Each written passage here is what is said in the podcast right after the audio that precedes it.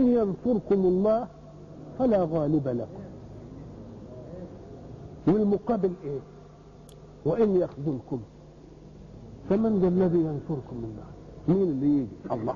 يبقى إذا أنت دخلت بالأسباب التي قالها الحق سبحانه وتعالى مؤتمرا بأمر القيادة السماوية التي مثلت في الرسول المبلغ عن الله وقد أخذت عدتك على قدر استطاعتك. إياك أن تقارن عددك بعدد خصمك. أو تقارن عدتك بعدة خصمك. لا يكلفك الله بأن تقابل العدد بالعدد ولا العدة بالعدة وإنما قال أن تسعد بما استطعته. ليه؟ قال لك لأن الله يريد أن يصحب ركب الإيمان معونة المؤمن به. لأن لو كانت المسائل قد بعضها بقى ده تبقى قوة قوة القوة. إنما ربنا عايز يبقى العدد قليل وتبقى العدد أقل. هو ده اللي قدرنا عليه يا رب. وما دام هو اللي قدرنا عليه تبقى دي الأسباب اللي مكنتنا لها لازم بقى تحط عدد قليل مع ممد أعلى. عدد قليلة مع معين أعلى. لازم أنت تحط دي.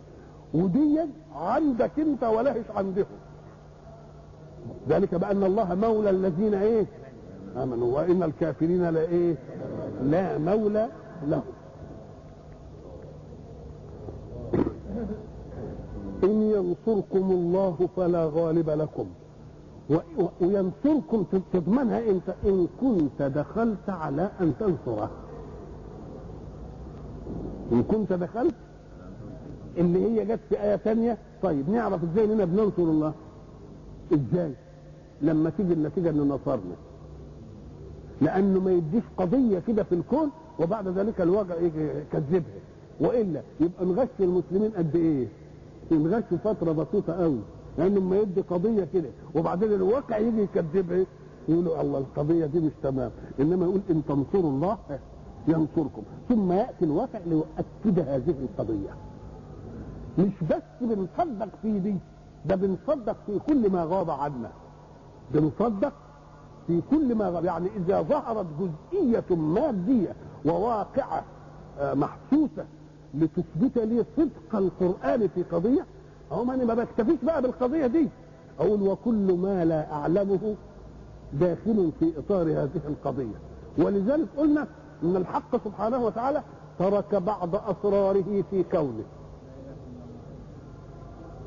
الاسرار اللي تركها في كونه أسرار ما بتؤديش ضرورات. إن عرفناه نقدر ننتفع بها شوية إنما في الكماليات. مفهوم؟ يترك بعض الأسرار في الكون إلى العقول لتستنبطه. الشيء الذي كان العقل يقف فيه قديما يصبح باكتشاف أسرار الله إيه مقبولا ومعقولا. نقول يا سلام أكن الشيء الذي وقف عقلي فيه سابقا أثبتت الأيام إيه؟ إنه حق. اذا ما لا أعرفه من الأشياء اخذ بهذه القضية. اخذه وهذه القضية. ولا ما أؤمن بالغيب يقول لك اخترع الميكرو... اكتشف الميكروب. قبل اكتشاف الميكروب من أيام بستور. ما كانش الميكروب موجود. موجود. إنما الميكروب ما كانش بيرى ليه؟ أم قال لك لأن الشيء زي ما قلنا إذا دق ولطف ما نقدرش ندركه. ما عنديش الآلة اللي تدركه. بعيد عن مرء البصر ما أقدرش أدركه. يبقى الشيء ما. ما بنشوفوش ليه؟ إما أن يكون بعيدا. بعيد عنه لأن كل ما بيبعد الشيء بي إيه بيقل بيقل بيقل بيقل. أنت لو شفت راجل عملاق على بعد نص كيلو تلاقيه زي الإيه؟ عيل كده وبعدين يقعد يتضاءل يتضاءل يتضاءل إلى أن لا يصير إيه؟ الاتساع اللي في الشوارع أو الاتساع اللي بين قضبان السكة الحديدية أو الاتساع اللي في النهر. إذا بصيت للنهر يخيل لك إن الشطين اتلاقوا. ما تلاقوش يا أخوي. هم برضه هتقدم تلاقيهم ما تلاقوش ليه؟ بس المسافة كل ما تبعد تقل تقل تقل حتى تقل المسافة لدرجة إنك تلاقي الإيه؟ أطلاق. هم ما تلاقوش ولا أي حاجة. يبقى أدي البعد. شيء ضئيل جدا. ما يدخلش تحت نظر. فلما هدى الله بعد خلقه ولو كانوا كافرين إلى ابتكار أشياء تقرب البعيد فبعد أن كان لا يرى لبعده أصبح إيه؟ بنسميه تلسكوب. كده؟ طب وإن كان شيء ضئيل جدا ما بنشوفوش. اخترعوا الميكروسكوب. فالميكروسكوب بيكبر الصغير والتلسكوب بيقرب فأصبحنا نشوفه ونشوف له حركة ونشوف له حياة وبيجري. الله. وتلاقي مسألة مجال عمال يجري فيه. إيه بي؟ ده هو مش باين. إزاي إيه المجال اللي بي؟ لما يكون المجال ده لا يرى ومع ذلك تراه يجري. الله. يبقى خطاه قد إيه دي؟ اللي بيجري في المجال ده إيه شكلها دي؟ مسألة عجيبة. نقول له أهو ده بقى خلاني إذا حدثني القرآن أن لله خلقا غاب عن الحس لا يدرك من جن وملائكة ابقى ما كذبش لأن أشياء كانت موجودة هي ولا هيش داخلة تحت حسي ولا إدراكي مع أنها من مادتي مع أنها فإذا كان ديك من مادة أخرى زي الملائكة من النور ولا الجن من النار ويقول إنهم مخلوقين وموجودين ما بقاش أكذب. لأن من جنسي كان موجودا ولم أستطع أن إيه؟ أن أراه. يبقى دي ده قربت لي ولا لأ؟ قربت لي. يبقى لما يقول إيه؟ إن, إن ينصركم الله فلا غالب لكم. ونعرف إيه؟ إن نصر الله مترتب على إيه؟ أن تدخل المعركة وأنت تريد أن إيه؟ أن تنصر الله. تنصره بإيه؟ بانك انت تحقق كلمته وتجعلها إيه؟ لا, لا يعني يعني تخليها هي العليا. يبقى إذا المعارك كلها يجب أن تفهمهم أنها مش عشان تخلي كلمة الله هي العليا. لا ده عشان تخلي كلمة الذين كفروا تخلي أما كلمة الله فهي عليا دائما ولا يمكن أن تنزل أبدا. مفهوم. آه. وإن يخذلكم فمن ذا الذي ينصركم من بعده؟ كلمة يخذلكم معناه أنه في ظاهر الأمر يكون معايا وبعدين يسيبني. أيوة ما هو في ظاهر الأمر لأنكم مسلمين وداخلين على إنكم ويا إيه؟ ويا ربنا. إنما بعض تعاليمه بتفوتوه. يبقى ما دام بعض تعاليمه بتفوتوه يبقى هو في المظهر العام نتعاطى معكم كمسلمين. ومن معيته لكم أن يؤدبكم على المخالفة. من معيته لكم إنه يعمل إيه؟ يؤدبكم على الإيه؟ على المخالفة. وعلى الله فليتوكل المؤمنون. وإحنا قلنا دي إن الله يحب الإيه؟ يحب المتوكلين. وهنا وعلى الله فليتوكل الإيه؟ آه. والذي لا يتوكل بقى يبقى معناه بيراجع إيمانه. بيراجع إيمانه. قال الحق قال قال الحق وما كان لنبي أن يغل. معنى يغل يعني إيه؟ اولا الغل الأخذ في خفاء الأخذ مأخوذ من إيه؟ من غل الجازر.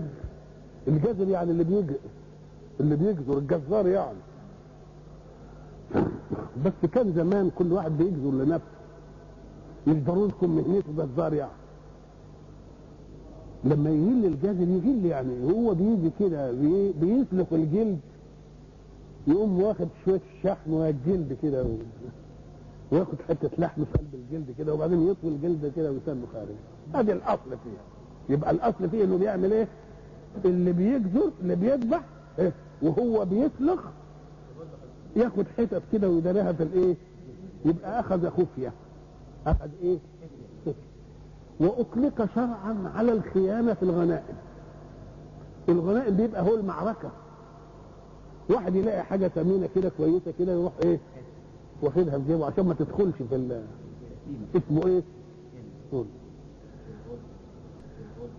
آه اسمه غل وبرضه كلمة الغيل اللي في الصدر دي اللي هي خفاء الكراهية برضه إخفاء الإيه؟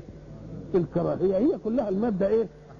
ما كان لنبي أن يغل الله ليه؟ أم قال لك لأن من الجائز أن الجماعة اللي كانوا رماة ساعة رأوا الغنائم أقبلوا عليها لأن غنائم بدر ما كانتش قسمت. اللي يعمل حاجة ياخدها. أول معركة وبدينا نشجع اللي بيقال اللي إيه من قتل قتيلا فله سلم قال لك ده المسألة بقى هتبقى إيه؟ زي إيه؟ زي بدر. والرسول ما يديناش زي إيه؟ فيقول الحق سبحانه وتعالى دي مسألة ودي إيه؟ ودي مسألة إيه؟ أخرى. لأنه لما يعمل كده يبقى غل. وما كان لنبي ساعة تسمع ما كان لنبي أن يقول يعني طبعه فطرته سجيته لا يتأتى منها هذا. إنما من الجائز في واحد في أمته يحصل منه. من الجائز إن واحد في أمته إيه؟ يحصل منه. يبقى إذا الفرق بين إمتناع المؤمن عن أن يكون غلا يعني يكون في الغنيمة وامتناع الرسول أن يكون غلا. الرسول ممتنع أن يكون غلا لأن طبعه ما يمكنش يستقيم هذا المسألة. إنما أنتم ولذلك سيدنا عمر في معركة الفرس بينما جاء جماعة بتاج كسرى. التاج بقى فيه بقى الإيه؟ النفائس كلها. سمت بقى عظمة ال- كسرى وبعدين جابوا قال إن قوما أدوا إلى أميرهم هذا لامناء كان من الممكن إنهم ي- يدسوه. ما كان لنبي إيه أن يغل زي ما كان لنبي أن يكون له إيه؟ اثر ما كان لكم أن ت... ما ينبغي لكم أن تؤذوا رسول الله. كده يبقى ساعة ما تسمع. ما كان أي ما ينبغي ولا يصح أن يكون ذلك الإيه؟ ذلك الأمر. وما كان لنبي أن يغل وبعد ذلك يأتي بالحكم في من يمكن أن يغل طب ده النبي. إنما غيره من الممكن أنه يغل بقى. أم جاب الحكم العام؟ قال إيه؟ ومن يغل يأتي بما غل يوم القيامة. شوف بقى اللي غل في حاجة وخام فيها بقى. ها؟ يجيبها يوم القيامة الرسول صورها أنه يأتي بها حاملا لها ألا لا أعرفن أحدا منكم. هكذا قال رسول الله. ألا لا أعرفن أحدا منكم. يأتي يوم القيامة ببعير له رغاء. في رواية ثانية يحمله على عنقه. شوف بقى بيحصل بعير. يوم القيامة يجي بالحاجة اللي سرقها ها، وتبقى محطوطة فين؟ تبقى محطوطة على رقبته كده. ببعير له إيه؟ رغاء. الرغاء ده عشان يلفت أهل المعصر على إنه يشوفوا الحرام اللي كان بيجري منهم يشوف بعير بقى على رقبته دي تبقى تيجي إزاي الحكاية دي؟ قوة إيه اللي ربنا اداله ده عشان يشيل الإيه؟ عشان يشيل يشيل البع...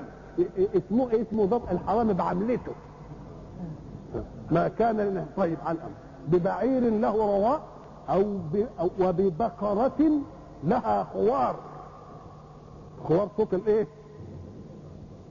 أو بشاة لها طغاء كل حاجة جاب إيه؟ ومن كان حمار بقى يبقى له نهيق. مش كده ولا إيه؟ فإذا كان ياتي بما غل يوم القيامة اللي خده يروح جاي كده فتحه في القيامة. امال بتسمى الفاضحة ليه؟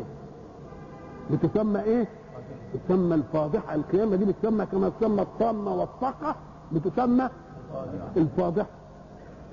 طيب إذا كان من الممكن في الدنيا أن يغل يعني ياخدها خفي لا في يوم القيامة مش هتحصل الحكاية دي وهتجيبها كده على إيه؟ على ظهرك. ألا لا أعرفن أحدا منكم يأتي يوم القيامة ببعير له رغاء. وببقرة لها خوار وبشاة لها ثغاء ثم يقول يا محمد يا محمد. منطبع فيهم إنه رؤوف ورحيم وإنه مش هيرضى بالإيه؟ بالحكاية دي. خلاص. الله. لا أغني عنكم من الله شيئا فقد بلغت لا أغني عنكم من الله طب دي هل دي في الغنيمة بس؟ بس في الحرب يعني كده؟ أم قال لك في الحرب دي شر قوي؟ ليه؟ لأنك أنت في وقت داخل فيه عشان تكون كلمة الله هي العليا. تقوم تهزق الحكاية وأنت فيها ده أنت بتحارب عشان كلمة ربنا تبقى العليا. تبقى أنت ما تخليهاش عليا عندك أنت؟ آه. وبعد ذلك جاء بالقضية العامة. ثم توفى كل نفس ما كسبت. هتشمل الغلول في الغنيمة إيه؟ والغلول في إيه؟ في غير الغنيمة يعني في القضية العامة. تصور بقى ديا للي كل اللي بيخون في أمانة اؤتمن عليها. تصورها بقى. تصور بقى واحد هيبقى إيه؟ يجي يوم القيامة شايل عمارة. تصورها أنت دي؟ إيه؟ تصور واحد بقى هيشتغل أطنان سمك. تصور واحد هيشتغل بقى أطنان جبنه فخدي الله تصور واحد بقى هيشيل اسمان تصور واحد هيشيل حديد. الله كل اللي سرق اللي بيسرق حاجة هيجي يوم القيامة هي عليه. الله اذا يجب أن تتنبهوا إلى أنكم إن خدعتم عيون الأرض فلن تخدعوا عين السماء. كل حاجة هتيجي. كل حاجة هتيجي وإذا كنا نشهد أن الناس لا تطيق أن تفضح بين الخلق والخلق محدودون لأنهم المعاصرون فما بالك بالفضيحة التي ستكون أمام الخلق من أول آدم إلى أن تقوم الساعة؟ يبقى كل واحد يحرس نفسه بقى ولا لأ؟ يبقى كل واحد يحرس نفسه. أحسن المسألة هتيجي تفضح الإيه؟ تفضح الدنيا بقى. نعم. وما كان لنبي أن يغل ومن يغل يأتي بما غل يوم القيامة. ثم توفى كل نفس ما كسبت وهم لا يظلمون. ما دام توفى كل نفس ما كسبت على قده يبقى ما فيش إيه؟ ما فيش ظلم. لأننا إن تركناها يبقى هو ده الظلم. أفمن اتبع رضوان الله؟ شوف بعد بقى التهيئة دي كده يقول إيه أفمن اتبع رضوان الله؟ يكون أمره كمن باء بسخط من الله؟ مش ممكن. أفمن اتبع رضوان الله كمن باء بسخط من الله؟ والسخط هو إظهار التقبيح. لكن إظهار التقبيح يمكن الناس جيب لك هوارمه بقى ما الشتيمه ما تنفعش واللعن ما ينفعش. لا مش هتحد كده ومأواه جهنم وبئس المصير. ومأواه يعني الذي يأوي إليه جهنم وبئس الإيه؟ المصير هم درجات عند الله والله بصير بما يعملون هم درجات يعني ينزلون في الآخرة منازل على قدر أعمالهم فكما ترى الدرجات موصلة إلى المراقي العالية كذلك في الآخرة كل واحد عمله يعطيه إيه؟ يعطيه درجة. واشمعنى درجات دي أم ألف؟ هي ساعة ما تقول درجات يعني منازل إلا أنها فيما يتعلق بالجنة درجات. وفيما يتعلق في النار دركات. يبقى الدركة بتنزل والدرجة بت إيه؟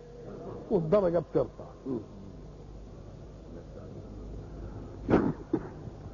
لقد من الله على المؤمنين. الله. يعني الآية هناك آية تقول إيه؟ يمنون عليك أن أسلموا. لا. قل لا تمنوا علي إسلامكم. بل الله يمن عليكم أن هداكم للإسلام. ليه؟ مين اللي يمن على الثاني؟ ده اللي يمن على الثاني هو الذي يعطيه عطية الثاني في حاجة إليها وهل أنا في حاجة إلى إيمانكم؟ في حاجة إلى إسلامكم أصفة من صفاتي معطلة حتى تأتوا أنتم لتكملوها لي إذا حين أبعث لكم رسولا رحيما بكم فالمنة تبقى لمين؟ ده تبقى المنة لله لقد من الله على الإيه؟ على المؤمنين إذ بعث فيهم رسولا من أنفسهم.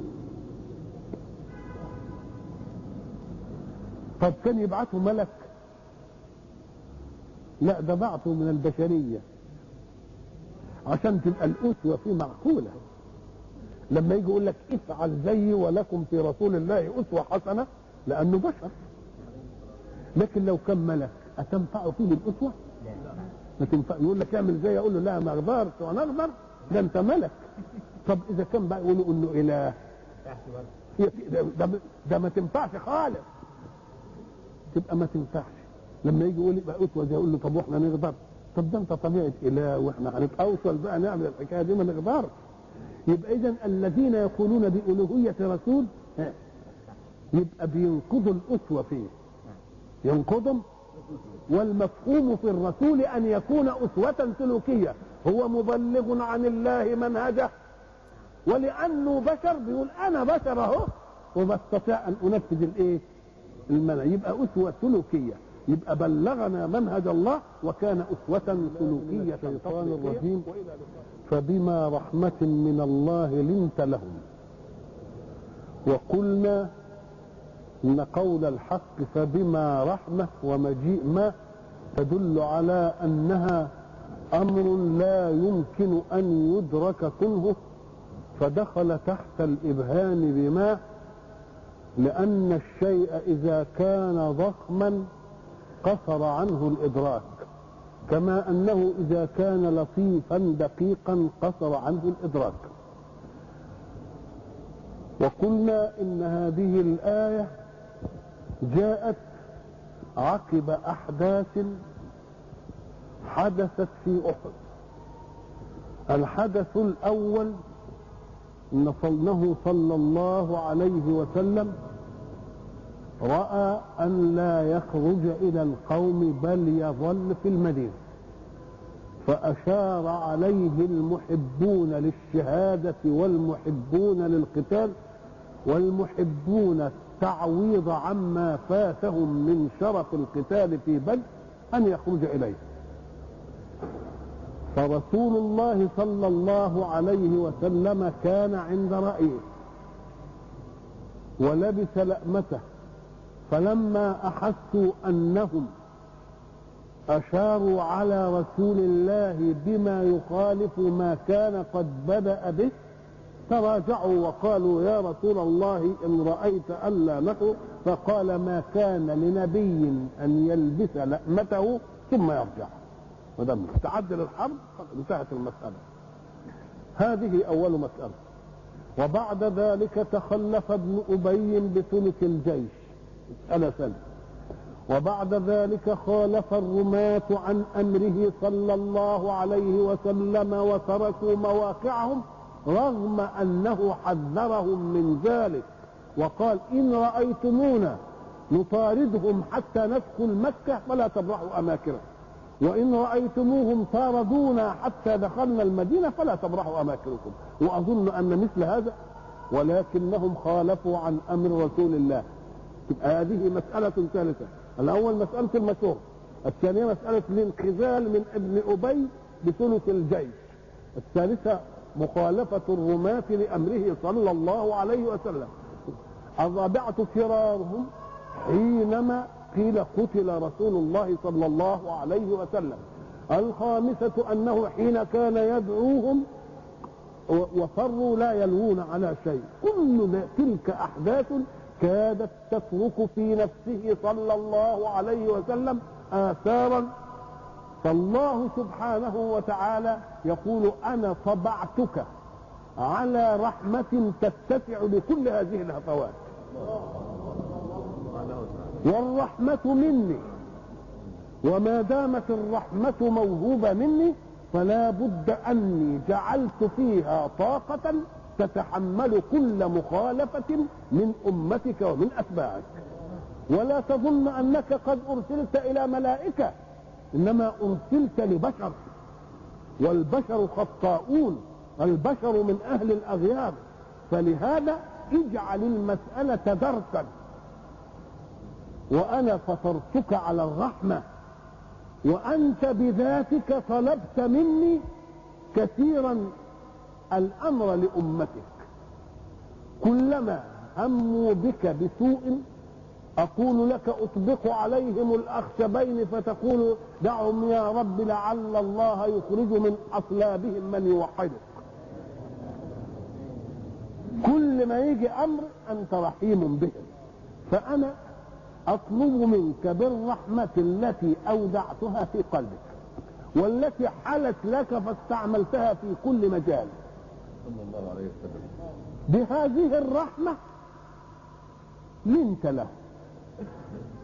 وبهذه الرحمة التفوا حولك. التفوا حولك لأدبك الجم. لتواضعك الوفير. لجمال خلقك لبسمتك الحانية لنظرتك المواسية لتقديرك لظرف كل واحد حتى أنك إذا وضع أي واحد منهم يده في يدك لم تسحب يدك أنت حتى يسحبها هو. في خلق عالي كل ذلك أنا أجعله حيثية. لماذا؟ لتتنازل عن كل هذه الهفوات.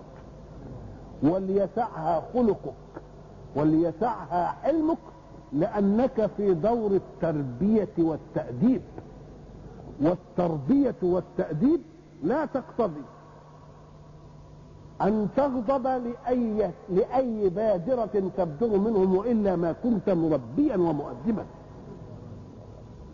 فبما رحمة من الله لنت له ولو كنت فظا غليظ القلب لانفضوا من حولك. لماذا؟ لأنك تخرجهم عما ألفوا من أمور الجاهلية. والذي يخرج واحدا عما ألف لا يصح أن يجمع عليه.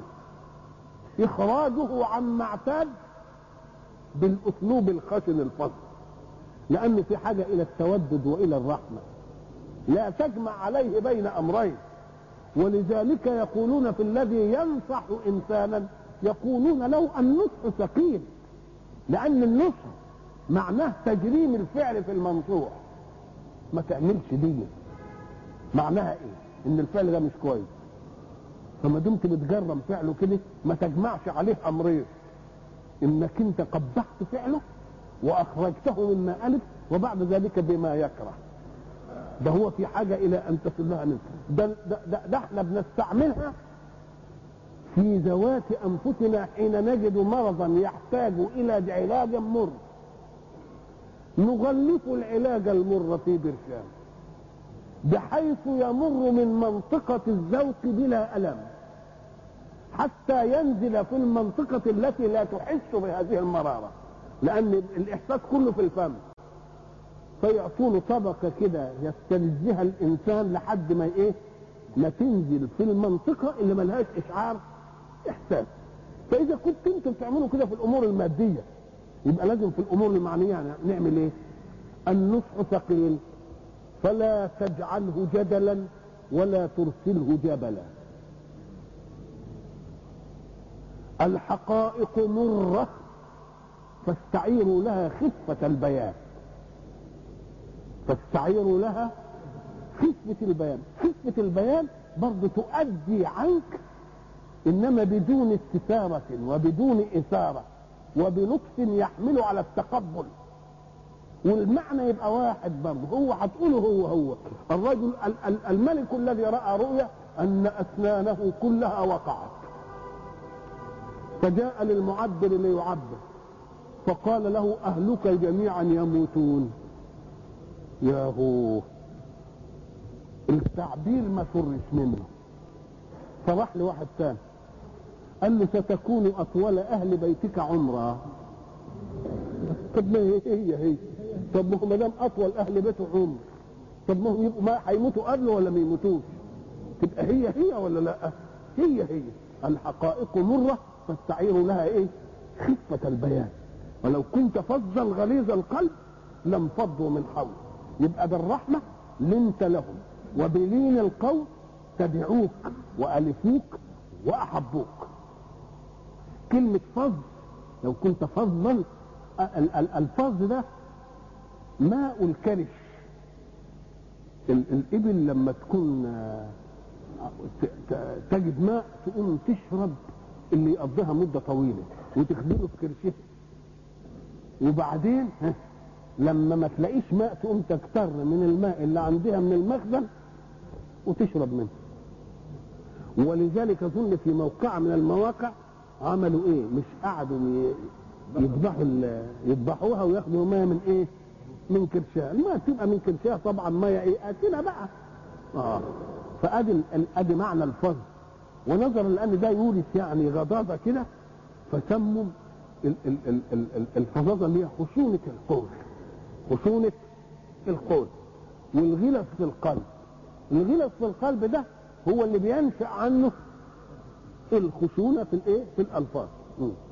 ولو كنت فظا غليظ القلب لم فضوا من حولك كل المقدمة ليلة رحمة طبعت عليها مني وبالرحمة لنت لهم وظهر أثر ذلك في إقبالهم عليك وحبهم لك لأنك لو كنت على نقيض ذلك لما وجدت أحدا حولك. إذا السوابق تثبت إن دي إيه؟ طبعك وخلقك. لا تتخلف عن طبعك. برضه خليك إيه؟ الرحمة. واللين؟ وبعد ذلك اعفو عنهم. وإحنا قلنا العفو هو محو الذنب محوا مش كظم غيظ. لأن كظم الغيظ يبقى برضه المسألة موجودة في نفسك. إلا إنك أنت ما بتعاقبش عليه. يعني كفيت جوارحك وكفيت لسانك. إنما المسألة في إيه؟ في نفسك لسه. إنما العفو يشيلها خالص. هذا بالنسبة لك. يمكن تقول أنا من ناحيتي خلاص عفيت إنما أنت مش مسلم لنفسك. أنت وراك إله بيغار عليك. آه وراك إله بي إيه فما يكفيش أن تعفو عنهم. لازم تستغفرني أنا لهم. آه. تبقى تستغفرني أنا لأن مش كده من الممكن أن صاحب الذنب يعفو ولكن ربي ورب صاحب الذنب ما يعفوش. فبقول لا أنت عفيت أنا من عندك. انتهينا؟ لكن أنا ما تفتكرش انني بقول لك كده وإن كنت هتصر على إنهم مذنبين أنا مش هعذبهم ده أنا أعذبهم واخد منهم انما أنا عايزك إيه؟ تستغفر تستغفرني أنا علشان خاطرهم. فاعف عنهم دي خاص بك واستغفر لهم وإياك أن تخرج بسبب ما أشاروا به وترتب عليه ما ترتب من هزيمتكم في أحد وشجك وجرحك كل اللي حدث ده نتيجة إنه خرج خرج للمعركة. فإياك أن تقول اشرت عليهم وطاوعتهم في المشوره وبعد ذلك حدث ما حدث. تقوم تكره إنك إيه؟ تشاورهم ما تقفلش هذا الباب. رغم ما حدث إيه؟ رغم ما حدث من نتيجة المشورة بأنها لم تكن في صالح المعركة. يعني لو كانوا ال- الكلام الأولا إنما أصل المسألة معركة التأديب دي ومعركة التهذيب ومعركة التمحيص. يبقى إذا ما ترتبش عليها أن تكره المشورة. برضه شاورهم. ليه؟ لأن لما يجي العفو وتستغفر لهم ربك وهو إلى آخره العفو في نفسك. واستغفار ربك تستغفره قد تستغفره بعيدا عنه. ما يعرفوش. إنما لما تبتدي بقى أنت تعمل عملية نزوعية وتبتدي برضه تشيرهم يبقى أكن المسألة الأولانية انتهت. وما دام المسألة الأولانية انتهت يبقى استأنفنا صفحة جديدة. وخدنا الدرس والعظة اللي هتنفعنا في أشياء كثيرة. ولذلك تجد بعد هذه المعركة كما قلنا الأمور مشيت إيه؟ مشيت. ليه؟ لأن التجربة والتعليم والتدريب أثر وأثمر. لدرجة إن سيدنا أبو بكر سيدنا أبو بكر لما جاءت حروب الردة ماذا صنع؟ مش شاور ولما شاور قالوا له لا ما تعملش هل سمع مشورتهم؟ لا ما سمعش إنما شاور ولا لا؟ شاور فلا فلا إنفاذ المشورة حكم ولا رد المشورة حكم المهم أن تحدث المشورة لأن المشورة تلقيح الرأي بآراء متعددة ولذلك يقولوا شاور سواك إذا نابتك نائبة. خلاص؟ يوما وإن كنت من أهل المشورات. إن كان الناس بيستكروك برضه. شوف بقى الشاعر إزاي كيف اهتدى ليقرب المعنى ده. ما دام هو من أهل المشورة والناس بتاخد رأيه. طب وأنا لزوم اشاور ده؟ هم بيشاورون. قال له شاور سواك. إذا نابتك نائبة إيه؟ في النائبات. يوما وإن كنت من أهل المشورات. فالعين تنظر منها ما دنا ونأى تشوف كل حاجة فيه ولا ترى نفسها إلا بمرآة. ما تشوفش نفسها إلا بمراية لأن ما يمكن المسألة اللي خاصة بغيرك عقلك مستو فيها لأنه لا هوى لك والحق هو الذي يكذبك. إنما طب المسائل بتاعتك ممكن هواك هيدخل يلوث المشوره كده ويضببها ويحلها لك ويخليك تحسنها. آه فالعين تنظر منها ما دنا وإيه ونأى ولا ترى نفسها إلا إيه بمرأة إذا فالمشورة في أحد كان نتي كانت نتيجتها كما علمتم. يقول الله لها إياك أن تأخذ من سابقة المشورة وأنها مشورة ما نتحلش إياك أن تأخذ سابقة من أنك تقاطعهم ولا تشاورهم ليه؟ لأنك لن تظل حيا فيه هيجي وقت يحكمهم مثلهم. وما دام يحكمهم مثلهم ما تحرموش إنه ياخد آراء الغير. ولما ياخد الآراء ويبقى قدامه آراء متعددة يبقى هو بحكم الولاية وبحكم أنه الإمام يستطيع أن يفاضل ويقول دي كذا ودي كذا ودي كذا إلا أن يفوض. وشاورهم في الأمر. فإذا عزمت فتوكل على الله. وقد عزم رسول الله أيضا على الحرب ولبس لأمته بقى هو كان يلبس اللقمة اللي هي عده الحرب وبعد ذلك يقولوا له تاني لا خليك يقوم يقلعها تاني بقى هي المسألة إيه بقى؟ مش ارجعها بقى. عزمت فتوكل إيه؟ فتوكل على الله. آدي فايدة الإيمان.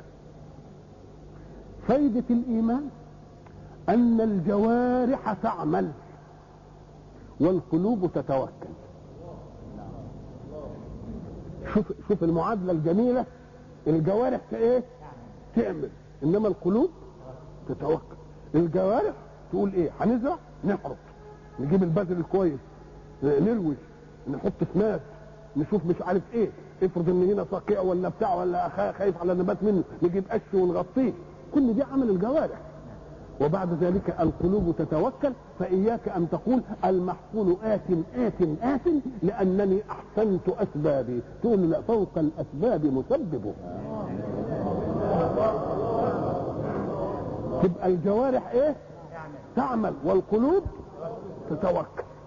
يبقى إذا الإسلام جاي بإيه؟ بحسين اثنين قال لك لأن هي دي فايدة الإيمان. لأنني مؤمن بإله له طلاقة القدرة. يخلق بأسباب ويخلق من غير أسباب. الأسباب لك يا بشر. إنما فوق الأسباب لي يا رب. فأنت حين تعمل أخذت الأسباب. وحين تتوكل ضمنت المسبب. حين تتوكل ضمنت إيه؟ يبقى التوكل هو إيه بقى؟ معنى الجوارح تعمل والقلوب إياك أن تظن أن التوكل إن الجوارح ما تعملش. يقول ده الكسل أو التوكل الكاذب. توكل؟ ولذلك الدليل على كذبه أنه يحب أن يتوكل فيما فيه مشقة. والسهل ما يتوكلش فيه.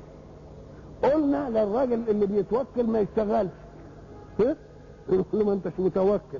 وبعدين يجي له الأكل لحده يقول له لو كنت صادق في التوكل بقى إياك أن إيه تمد يدك إلى لقمة لتضعها في فمك. خليك متوكل على طول. وخلي بقى التوكل يجيب لك اللقمة يحطها فين؟ في بقك والتوكل هو اللي يعملها لك كده ويمضغ لك. أمال طب السهلة دي بتعمل ليه؟ اشمعنى هنا؟ يبقى أنت بقى بتتوكل بكسل بقى. دي بلادة حس ايماني يبقى إيه؟ يبقى اذا الحق سبحانه وتعالى يقول إيه؟ واستغفر لهم وشاورهم في الأمر فإذا عزمت فتوكل على الله. شوف عم... شوف كلمة عزمت وتوكل. عزمت تقتضي عزيمة. خلاص؟ والتوكل يقتضي إظهار عجز لأن ما معنى التوكل في الحقيقة هو إيه؟ إظهار العجز مش كده؟ يعني معنى إنني أتوكل على حاجة إن عجزي أسبابي إيه؟ انتهت وبرجع إلى اللي عنده قدرة ما عندوش عجز مش كده؟ وهو بقى الإيمان ده التوكل المطلق. لما يجي واحد يقول لك وك... أنا وكلت فلان بقى أنا ما أقدرش على الحكاية دي فأنا وكلت إيه؟ معنى توكيله أنه أظهر عجزه ولا لأ؟ وبعد ذلك ذهب إلى ما غير عاجز ولا لا كذلك الإيمان. نعم التوكل معناه تسليم زمام أمورك إلى الحق ثقة بحسن تدبيره. ثقة بحسن إيه؟ تدبيره. ما دام ثقة بحسن تدبيره ومن تدبيره أن أعطاك الأسباب. فما تاخدش ما تردش ايد الله الممدودة بالأسباب وبعدين تقول له عاوني بقى يا رب اعمل لي. لأن إحنا قلنا كمان في سورة الفاتحة ال- ال- الإنسان لما بيدعو بيقول إيه؟ وإياك نستعين. معنى نستعين نطلب منك المعونة. أكننا بنعمل ولا لا؟ آه إياك نعبد وإياك إيه؟ وعلى الصالح وعلى طيب وعلى الله فليتوكل المؤمنون. المؤمنون بمين؟ به وما دام مؤمنين به من إيمانهم به أنه إله قادر حكيم عالم بالمصلحة. وما فيش أحسن من إنك أنت توكل توكل ده. وما كان لنبي أن يغل الله. انتقلت المسألة نقلة ثانية خالص. ما كان لنبي أن يغل طب إيه علاقة الآية دي؟ أولا يغل يعني يخون في الغنيمة. إيه؟ آه ان ينصر طيب آه. إن آه طيب فإذا عزمت فتوكل على الله. أيوه. إن الله يحب الإيه؟ المتوكل. إن ينصركم الله فلا غالب لكم